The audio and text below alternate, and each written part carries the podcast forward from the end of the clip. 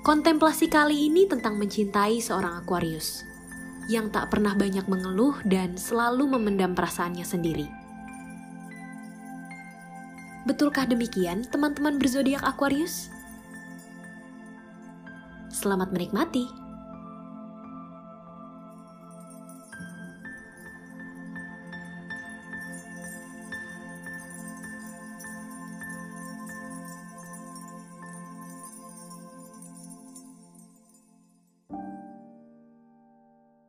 Sebelum orang mengenalmu, siapa yang akan menyangka bahwa ada riuh dunia di dalam seisi kepalamu, wahai Aquarius?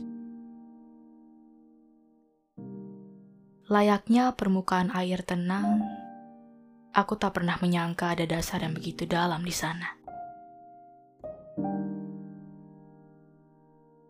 Seperti teka-teki silang yang sering kuisi di koran pagi, Kau adalah rentetan kata demi kata dengan petunjuk yang harus kupecahkan sendiri.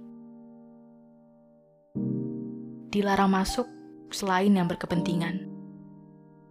Begitu tulisan di depan pintumu terpampang besar-besar.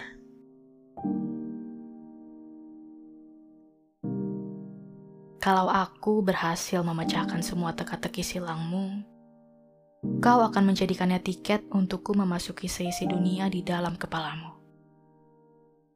Dan ternyata, riuh adalah kata pertama yang mampu menggambarkannya.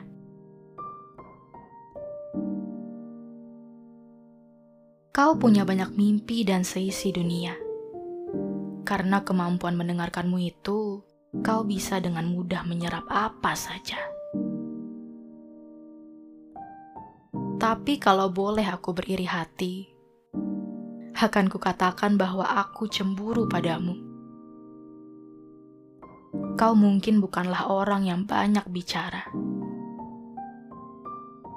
tapi kau selalu berhasil mengerjakan semua hal dalam kejapan mata.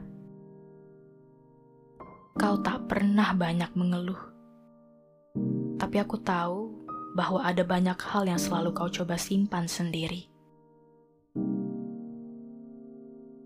Di antara banyaknya mimpi, kau sering lupa tentang hadirnya kami yang sudah kau biarkan menetap di sini.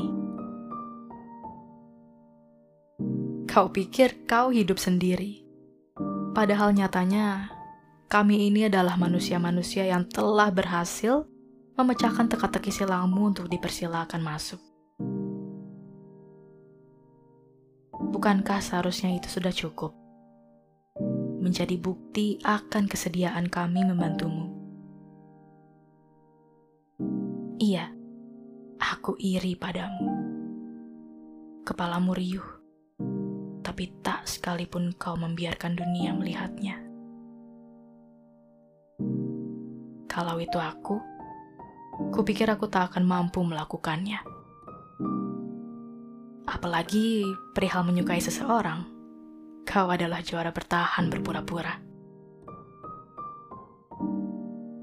Iya, pura-pura tidak suka, pura-pura biasa saja.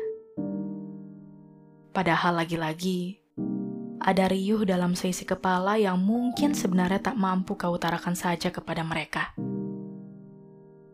Ah, tapi sudahlah. Buat apa aku iri padamu? Toh, kau sudah membiarkanku masuk. Tak banyak orang yang bisa memegang kuncinya. Kebanyakan, mereka hanya bisa mengetuk dan menunggumu untuk membukakan pintu. Lebih banyak lagi, mereka menyerah pada ketukan pertama. Tapi kurasa, diberkatilah kami yang telah diberikan akses masuk ke dalam dunia di kepalamu.